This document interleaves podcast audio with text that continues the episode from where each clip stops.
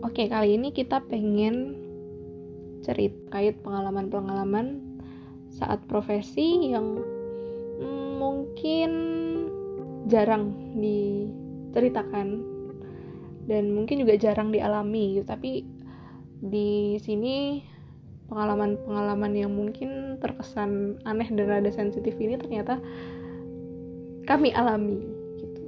Nah, mungkin di sini kita pengen share cerita ini ya supaya mungkin di ke depannya kita bisa lebih berhati-hati atau mungkin yang lagi mau profesi dan lagi mau kerja juga bisa lebih aware bahwa ternyata uh, isu-isu uh, yang akan kita sampaikan ini tuh nyata adanya di setting rumah sakit gitu. Iya setuju sih oke okay, kalau kalau dari pengalaman profesi kemarin ya Sin uh, apa hal yang paling menyedihkan yang mungkin pernah kamu alami atau mungkin cukup menguras emosi ketika profesi? Sebenarnya banyak sih Din. Kalau disuruh menyebutkan itu banyak. Karena apa ya? Semua bukan berarti semuanya sih. Hampir semua pengalaman yang enggak enak itu dalam tanda kutip sudah pernah aku alami sendiri baik aku juga terlibat di dalamnya atau aku lihat sendiri secara nyata. Dan menurutku semua itu cukup bisa dibilang pahit ya kalau untuk menurutku sendiri. Karena emang nggak tahu sih aku apakah ada teman-teman yang lain yang juga mengalami hal yang sama dan mereka nggak membicarakan itu atau emang hanya aku yang mengalami itu. Tapi di sini sih sekarang udah mulai bisa menerima ya yang itu sebagai bagian dari proses yang kita sebut belajar di setting rumah sakit. Mungkin kalau bisa kalau diminta nyebutin satu hal mungkin ada sih satu cerita di mana saat itu di sebuah stase X aku nggak akan sebutkan stasenya. Di situ adalah stase yang jujur paling aku takuti paling aku ingin hindari. Tapi nyatanya aku harus ngelewatin itu dengan offline alias harus praktek langsung praktek terjun langsung. kan. Harus terjun di lapangan belajar langsung. Dan di situ aku ngerasa sudah banyak effort yang aku keluarin. Di situ kayak dari waktu, uang, dan emosi, pikiran semuanya aku sudah berusaha kasih yang terbaik. Walaupun aku tahu aku emang ada kekurangan di situ dan itu salah satu stase yang aku hindari sejak zaman kuliah dulu. Aku udah udah tahu di sini aku ngerasa nggak akan memberikan hal yang baik untuk aku sendiri karena aku sudah mikir gitu kan. Tapi aku berusaha tetap positif dan di situ ada satu momen lumayan menyedihkan di mana aku yang notabene itu jarang all out. Kayak ngasih semuanya di situ aku ngasih semuanya berusaha yang terbaik. Dan yang aku dapat kan malah sebaliknya malah mendapatkan hasil yang kurang bagus jika dibandingkan dengan yang lain atau dibandingkan dengan stase-stase yang sudah kulewati sebelumnya. Di situ ngerasa tidak adil ngerasa tidak adil karena uh, apa ya dari pembimbing kliniknya sendiri aku ngerasa ini nggak adil kenapa aku dapat sekian gitu loh. Sedangkan aku tahu yang uh, aku berikan itu tuh lebih. Dan di situ sempat menangis sih sempat nangis waktu itu masih jaga. Harus harus jaga pagi itu.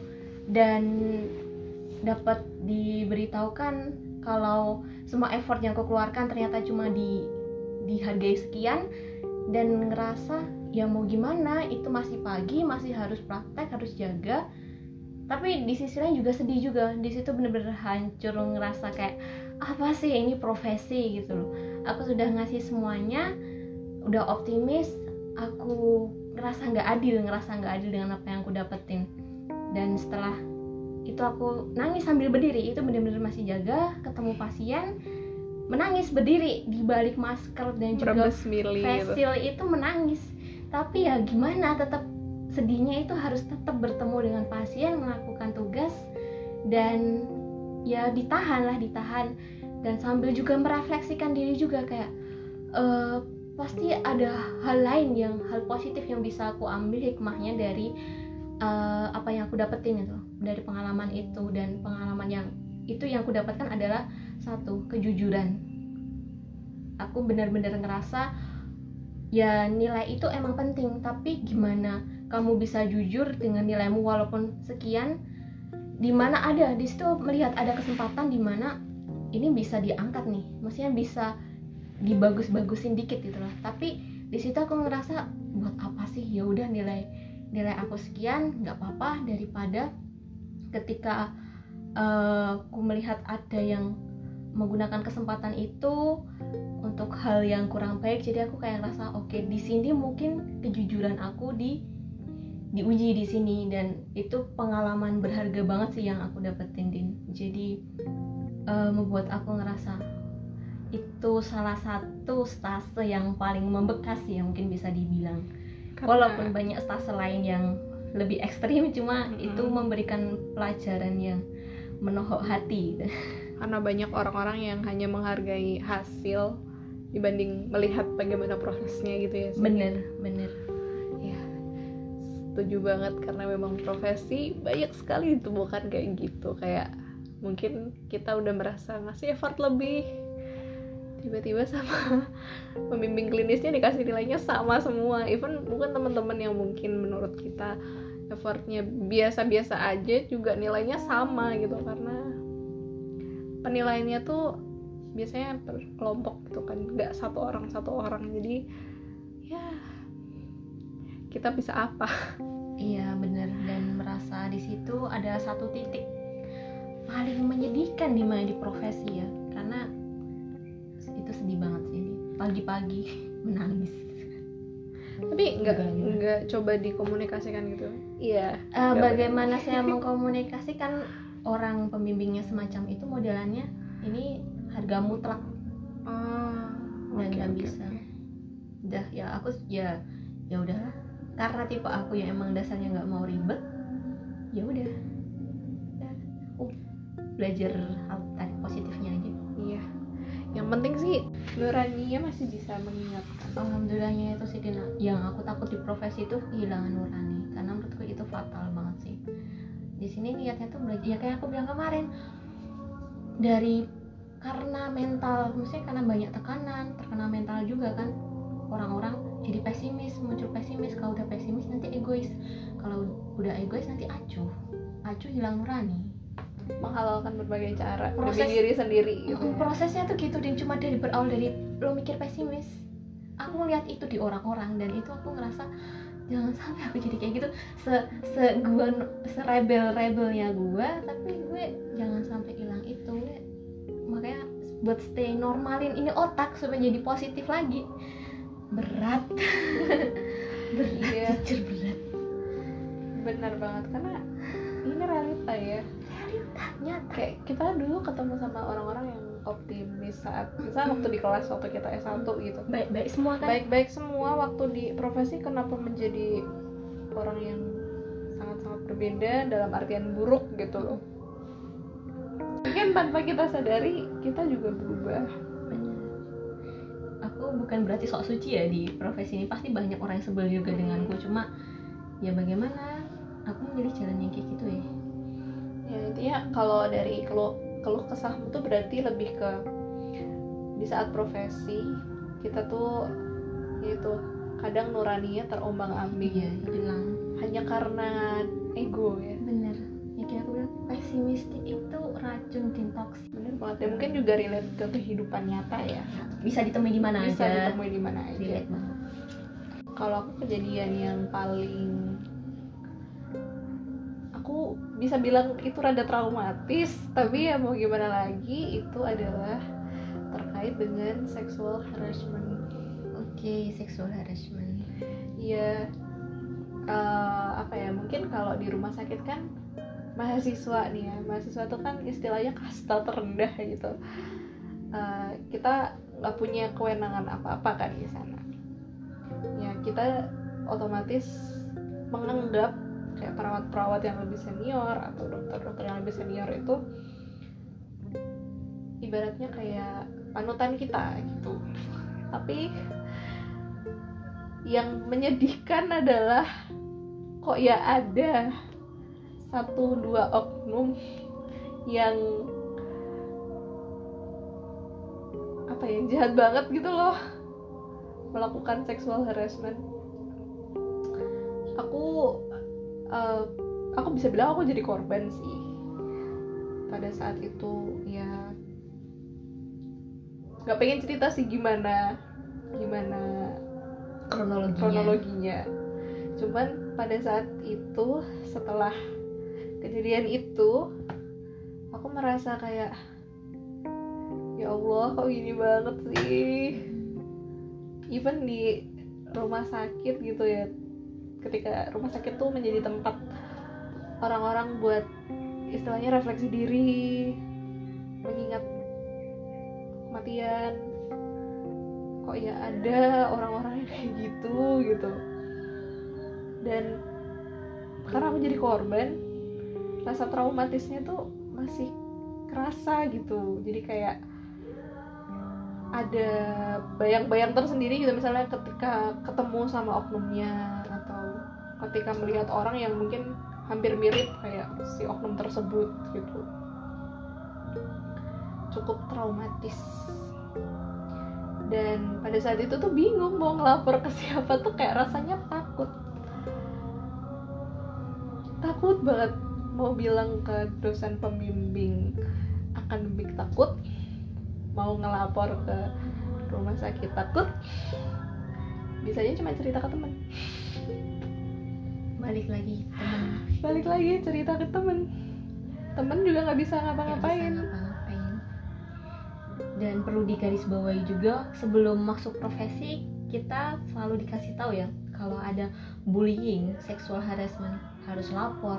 Harus, harus lapor iya. mengurus ke mana. Kita udah dikasih tahu cuma kenyataan tidak semudah itu untuk bisa dilakukan. Bener. Karena korban akan balik lagi karena jujur gue juga pernah ngalamin itu tapi mungkin tidak separah Dinda ya sepertinya. Saat itu juga pernah lagi ngantar pasien ceritanya. Tiba-tiba ada seorang oknum berjarak ah, berapa ini? Satu berapa ini? Satu jengkal jari ya satu bukan satu jengkal setelapak tangan di depan muka. Dan menanyakan hal yang tidak masuk akal di depan muka. Jadi hal uh, yang eh, sensitif. hal-hal sensitif menurut aku yang kayak ngerasa apa apaan ini maksudnya apa di situ di ruang sempit kayak gitu menanyakan hal yang nggak masuk akal. Dan balik lagi nggak bisa lapor juga kan mau ngomong ke siapa dan balik lagi cuma bisa ngomong ke teman dan ternyata terkejutnya adalah Dinda uh, dengan tidak beruntungnya juga pernah mengalami hal yang sama dengan kasus yang berbeda dan di situ semakin nunjukin ya kalau itu beneran ada dan nyata dan bisa terjadi di mana aja oleh siapa aja. Dan korbannya tuh nggak sedikit. Cuman nggak pada berani ngomong. Aku juga nggak berani ngomong soalnya. Iya. Gitu. Dulu tuh sudah pernah udah pernah ini sih kayak ada survei kayak ada adik tingkat yang bikin apa namanya skripsi atau penelitian tentang seksual harassment. Aku ngisi tapi juga tidak ada tidak ada timbal balik. Di situ aku juga menjelaskan aku dapat ini. Hmm. kok ya tidak ada timbal balik gitu? Tapi ya udah deh. Cuman ya sekarang lebih dari pengalaman itu sekarang lebih bener-bener hati-hati banget menghadapi partner di profesi gitu. Entah itu sama dosen sendiri entah itu sama perawat atau dokter entah itu sama temen itu jadi kayak bener-bener hati-hatinya tuh uh. bener banget. Karena pada dasarnya kita nggak tahu ya sejatinya orang itu seperti apa. Apalagi termasuk Gesti tadi yang Dinda bilang kalau mahasiswa profesi itu kasta terendah sangat rawan mendapat perlakuan yang tidak mengenakan. Benar. Di sini kita emang sengaja tidak menyebutkan institusinya ya. tidak menyebutkan siapa orangnya apakah itu perempuan atau laki-laki. Iya. Bisa dua-duanya bisa dua-duanya loh. Bisa dua-duanya. Nggak mentang-mentang kita perempuan yang melakuin laki-laki loh. Iya bener banget. Bisa terjadi siapa aja dan dilakukan oleh siapa aja kan? Iya benar banget kadang oleh orang yang nggak kita sangka sama sekali. Benar. Menariknya profesi saya itu ada kejadian apa lagi sih yang kalau menurut kamu aduh. Kejadian paling menguras hati ya Din? Ini sebuah kisah nyata beneran. Di suatu tempat praktek kita aku tidak sebutkan ya tempatnya biar menebak-nebak nih biar menebak-nebak jadi di suatu tempat ini pernah praktek di sana dan sebenarnya kalau berbicara soal tadi menyinggung dari Dinda bilang kalau mahasiswa profesi itu kasta terendah karena budaya senioritas itu masih melekat dan itu nyata adanya dan menurut aku sendiri itu sudah menjadi bagian dari ya Budaya. culture buda- budayanya di sana seperti itu ya kalau kita ngeluh ibaratkan ngeluh soal senioritas kita paling cuma diketawain kayak ya itu udah biasa dan saya dulu lebih parah Iya, dibandingkan dengan masa dahulu, zaman dahulu kayak ah, apa? Kami dulu tuh lebih parah, kalian tuh enak dan sebagainya. Dan yang di situ aku nggak setuju adalah nggak ada yang namanya budaya semacam itu ya. Dan satu kasus kita bicara aja bisa disebut bullying. Tidak asing memang, sering terjadi di mana pun dan bisa terjadi oleh siapa pun juga. Di satu cerita ini saat itu kenapa bisa aku bilang miris dan hati rasanya sakit sedih lebih sedih berlipat-lipat adalah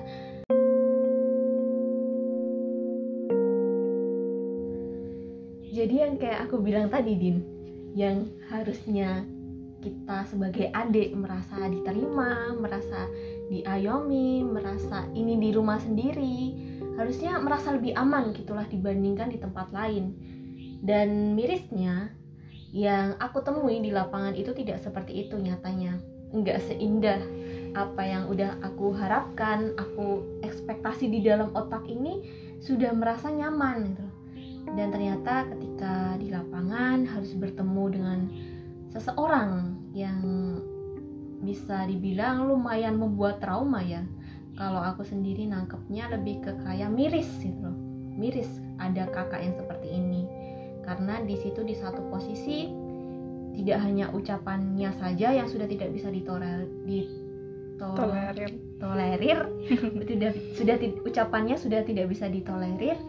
Dan juga dari perbuatan perilakunya yang menunjukkan bahwa seperti ada perbedaan kasta di sini sangat jelas sekali.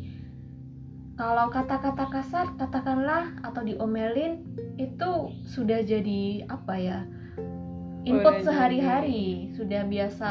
Makanan sehari-hari Iya, anak profesi maka gitu ya. sehari-hari anak profesi itu bukan hal tabu lagi. Tapi di situ sampai bisa di mana aku bilang tahap itu udah masuk bullying adalah ya karena itu karena udah sering sekali dapat perkataan yang kurang enak dan sebagainya aku udah tahu ini batasnya di mana akunya saja yang merasa terlalu sensitif atau emang dari oknum ini sudah melakukan hal yang melewati batasnya di situ. Dan untuk cerita ya ada satu momen di mana melihat sendiri seseorang ini diperlakukan dengan sangat-sangat menurut aku tidak sepantasnya dilakukan.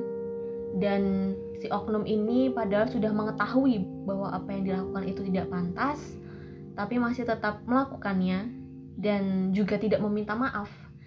Di situ sudah aku sendiri ngerasa hati nuraninya dia di mana? Itu yang dipertanyakan. Maksudnya seandainya emang eh, si oknum ini memang tidak suka tidak menyukai dengan mahasiswa profesi tidak menyukai kami pada dasarnya jika memang seperti itu ya tolong tetap perlakukan kami itu seperti manusia.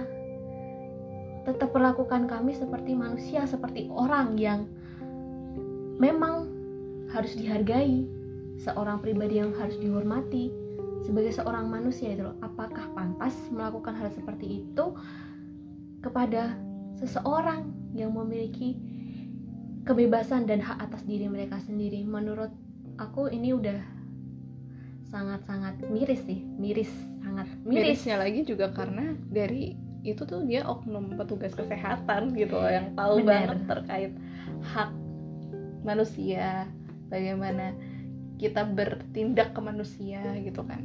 Bener banget. Dan apa ya senioritas bullying sesuatu yang nyata dan emang ada di dunia profesi apalagi besok kalau kerja ya. Menurutku pesannya adalah ya jangan takut jangan takut. Cuma ini memang nyata terjadi. Dan semoga jangan sampai dari teman-teman semua mengalami hal yang sama. Dan menurutku mungkin ada banyak teman-teman yang lain mungkin yang merasakan bullying ini dan mungkin eh, tidak mampu atau tidak berani bercerita kepada orang lain. Karena ini emang sensitif ya untuk sekelas ini ada sesuatu masih ada sesuatu seperti itu. Iya dan kadang juga kayak itu udah menjadi sistem gitu loh. Bukan sistem ya budaya. Budaya. Itu tadi kayak budaya-budaya yang sebenarnya nggak baik.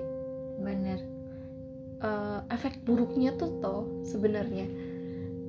Salah satu yang aku kerasa banget adalah ketika aku lagi praktek terus mungkin kita wow ya walaupun kita di sini mahasiswa kan paling nggak dengerin kita gitu ya. Ya mau memberi masukan yang kita juga memberi masukan juga pasti mikir kan mikir dan ber- mencari literatur dulu baru menyampaikan. Kok tiba-tiba kayak seolah tidak didengarkan hanya karena kamu siapa sih? Kamu tuh mahasiswa gitu loh. Benar. Itu kan ya Allah. Mau tidak dihargai kita. Ya makanya tadi bilang memang banyak yang nyatanya ditemui eh, kakak-kakak kita mungkin yang kurang suka dengan mahasiswa profesi.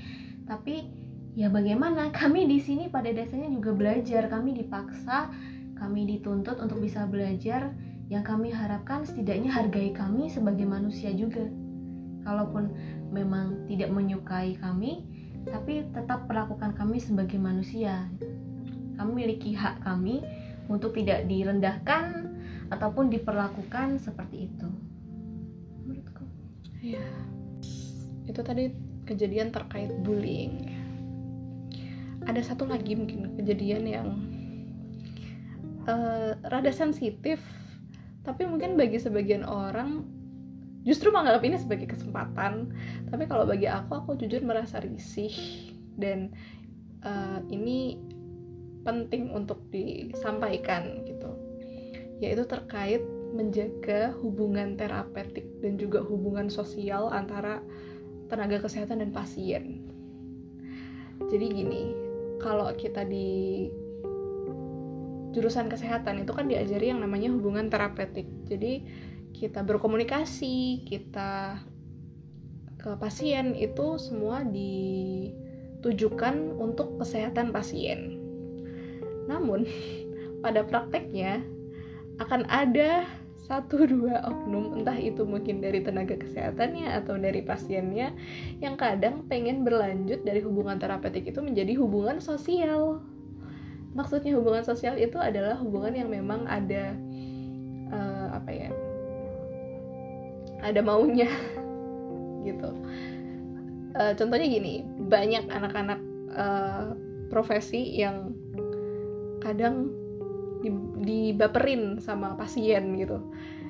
Padahal sebenarnya mungkin pada saat kita lagi berinteraksi dengan pasien itu kita nganggapnya kita memberikan perhatian sewajarnya tapi kadang pasien tuh menganggapnya sebagai perhatiannya lebih gitu loh itu yang kadang bikin uh, aku sebagai anak mahasiswa keperawatan yang pernah mengalami hal tersebut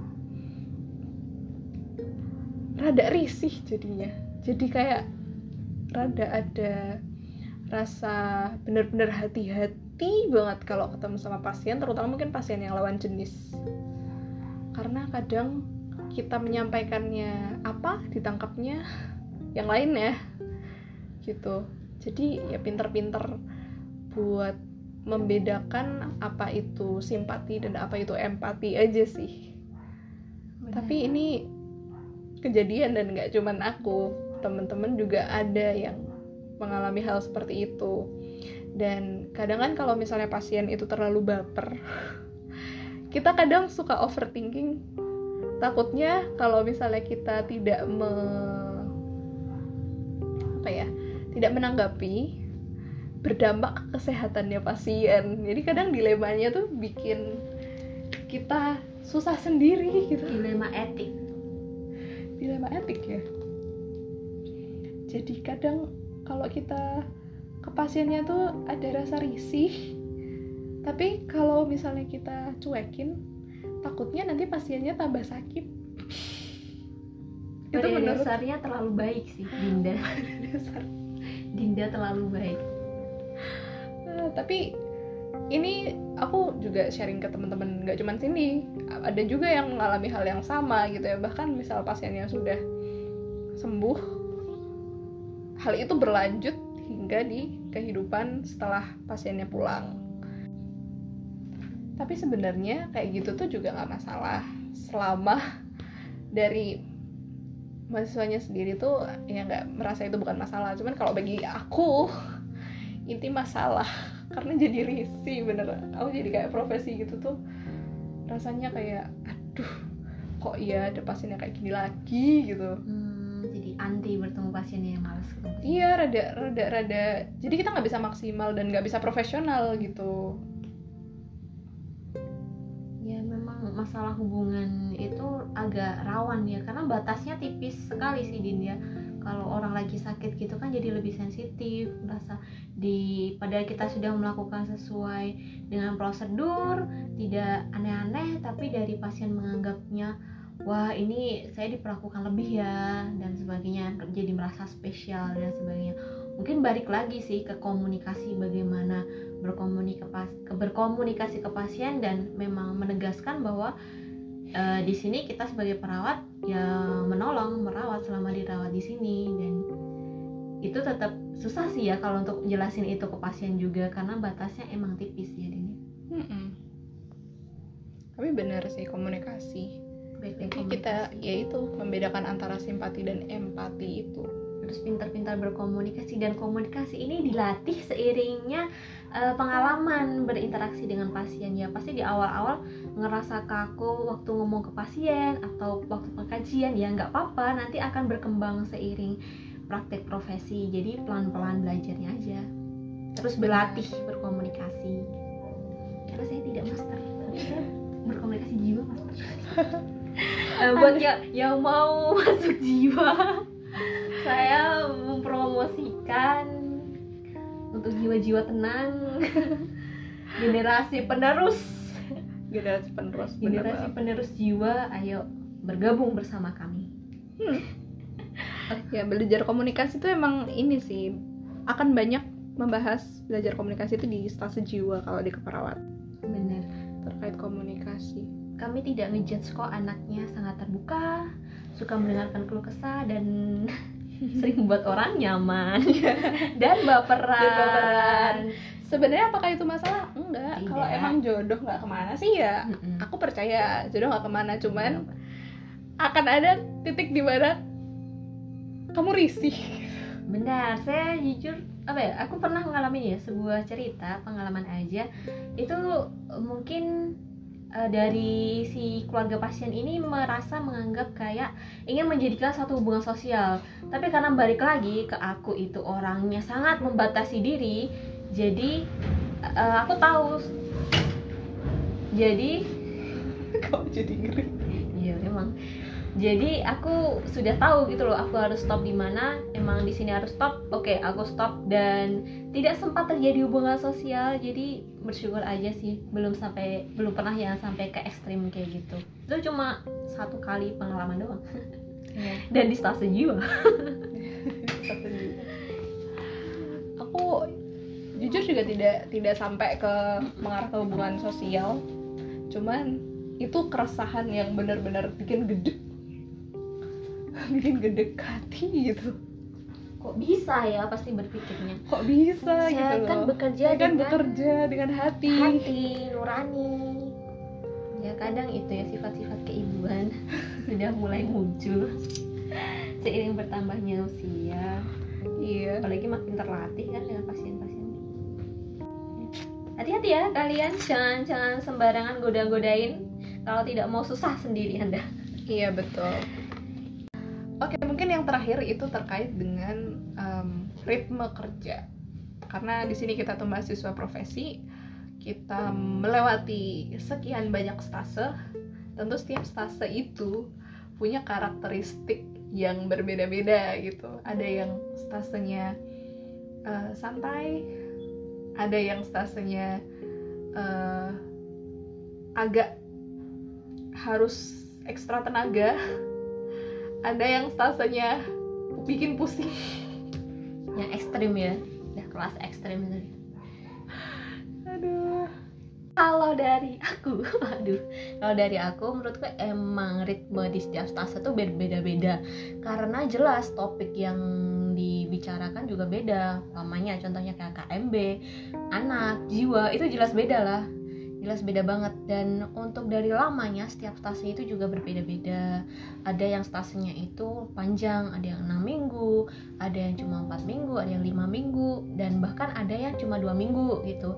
Dan otomatis dari pengorganisasiannya itu kan akan berbeda-beda nih. Dari tugasnya itu berbeda-beda disesuaikan. Tapi untuk dasar tugasnya yang sudah kita bahas tadi di awal kan ada askep dan sebagainya dan yang membuat dari aku sendiri dan mungkin Dinda juga alami adalah bagaimana bisa berbeda-beda seperti ini ritmenya. Maksudnya ada di satu stase itu nyaman banget dan ada di sta- satu stase di mana itu pusing banget. Nah itu tuh yang salah itu di apakah yang kami pelajari itu memang sesuatu yang memusingkan atau emang dari pengorganisasiannya itu yang eh, mungkin agak kurang ya dan tidak bisa dipungkiri juga. Nyatanya itu emang terjadi di kami sendiri karena di pandemi pasti harus banyak hal yang disesuaikan dan membuat mahasiswa harus cepat beradaptasi dengan banyak tantangan dan juga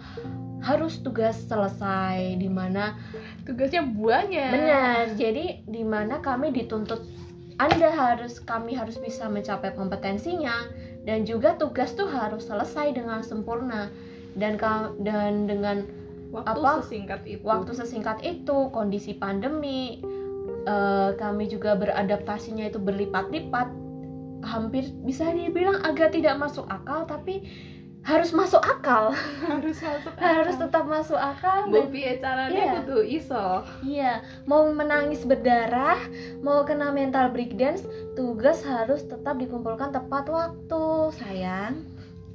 Terima kasih. itu keluhan yang benar-benar kena kayaknya di setiap anak-anak profesi di sini Iya, dan aku yakin semua itu orang- untold story yang kayak karena saking udah nggak bisa diapa-apainnya tuh jadi kayak aduh gimana sih ini? Udahlah bodo amat lah yang penting aku ngerjain aja. Padahal kan jadinya tugasnya nggak maksimal kita juga belajarnya setengah-setengah, setengah-setengah. Nggak bisa maksimal.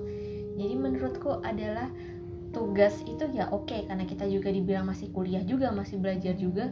Tapi akankah lebih baik jika eh, lebih apa, rasional Benar, dalam pendapat memberi- pendapat kami yang emang di lapangan, kami mahasiswa profesi dan juga pembimbing klinik yang lebih tahu kondisi di lapangan itu seperti apa bisa didengarkan gitu pendapatnya. Jadi disesuaikan untuk tugas-tugasnya mungkin atau hal-hal lain mungkin bisa diberikan keringanan. Karena ya kami yang di lapangan bukan berarti kami sok tahu tapi memang keadaannya seperti ini. Kita juga tidak bisa memaksa lapangan untuk harus selalu patuh dan sesuai dengan yang kita inginkan kan? Jadi harapannya sih ke depannya lebih fleksibel pasti dan juga suara kami lebih didengar. Itu benar banget sih karena kadang manusia-manusia kasta terendah seperti kita ini. Apalah saya. Jarang didengarkan karena di sini kadang eh, jujur kita kadang merasa kita sebagai objek sih. Maksudnya kita kita kadang tidak bisa memutuskan apa yang kita inginkan. Ya siapa tahu didengarkan.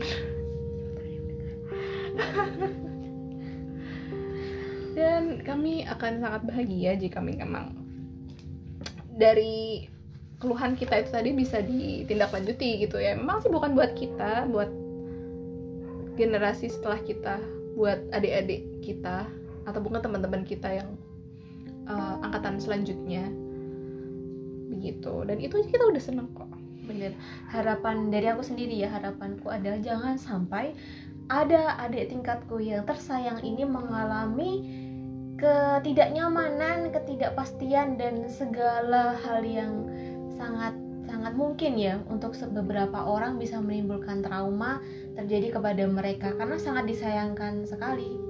Jangan sampai generasi muda ini yang lebih cerdas mengalami hal yang tidak mengenakan. Sudah cukup berhenti di ya sudah sudah saja ya. Cukup berhenti cukup. di sini sudah saja. Cukup. Sudah cukup. Dari sini juga sudah cukup obrolan kita terkait Untold Story. Makasih ya, banyak ya Sin udah mau berbagi di ruang refleksi. Kapan-kapan kita berbagi lagi. Iya sip, sama-sama Dinda. Semangat TA-nya. Amin. gitu ya kalau gitu kita pamit dulu assalamualaikum warahmatullahi wabarakatuh bye bye bye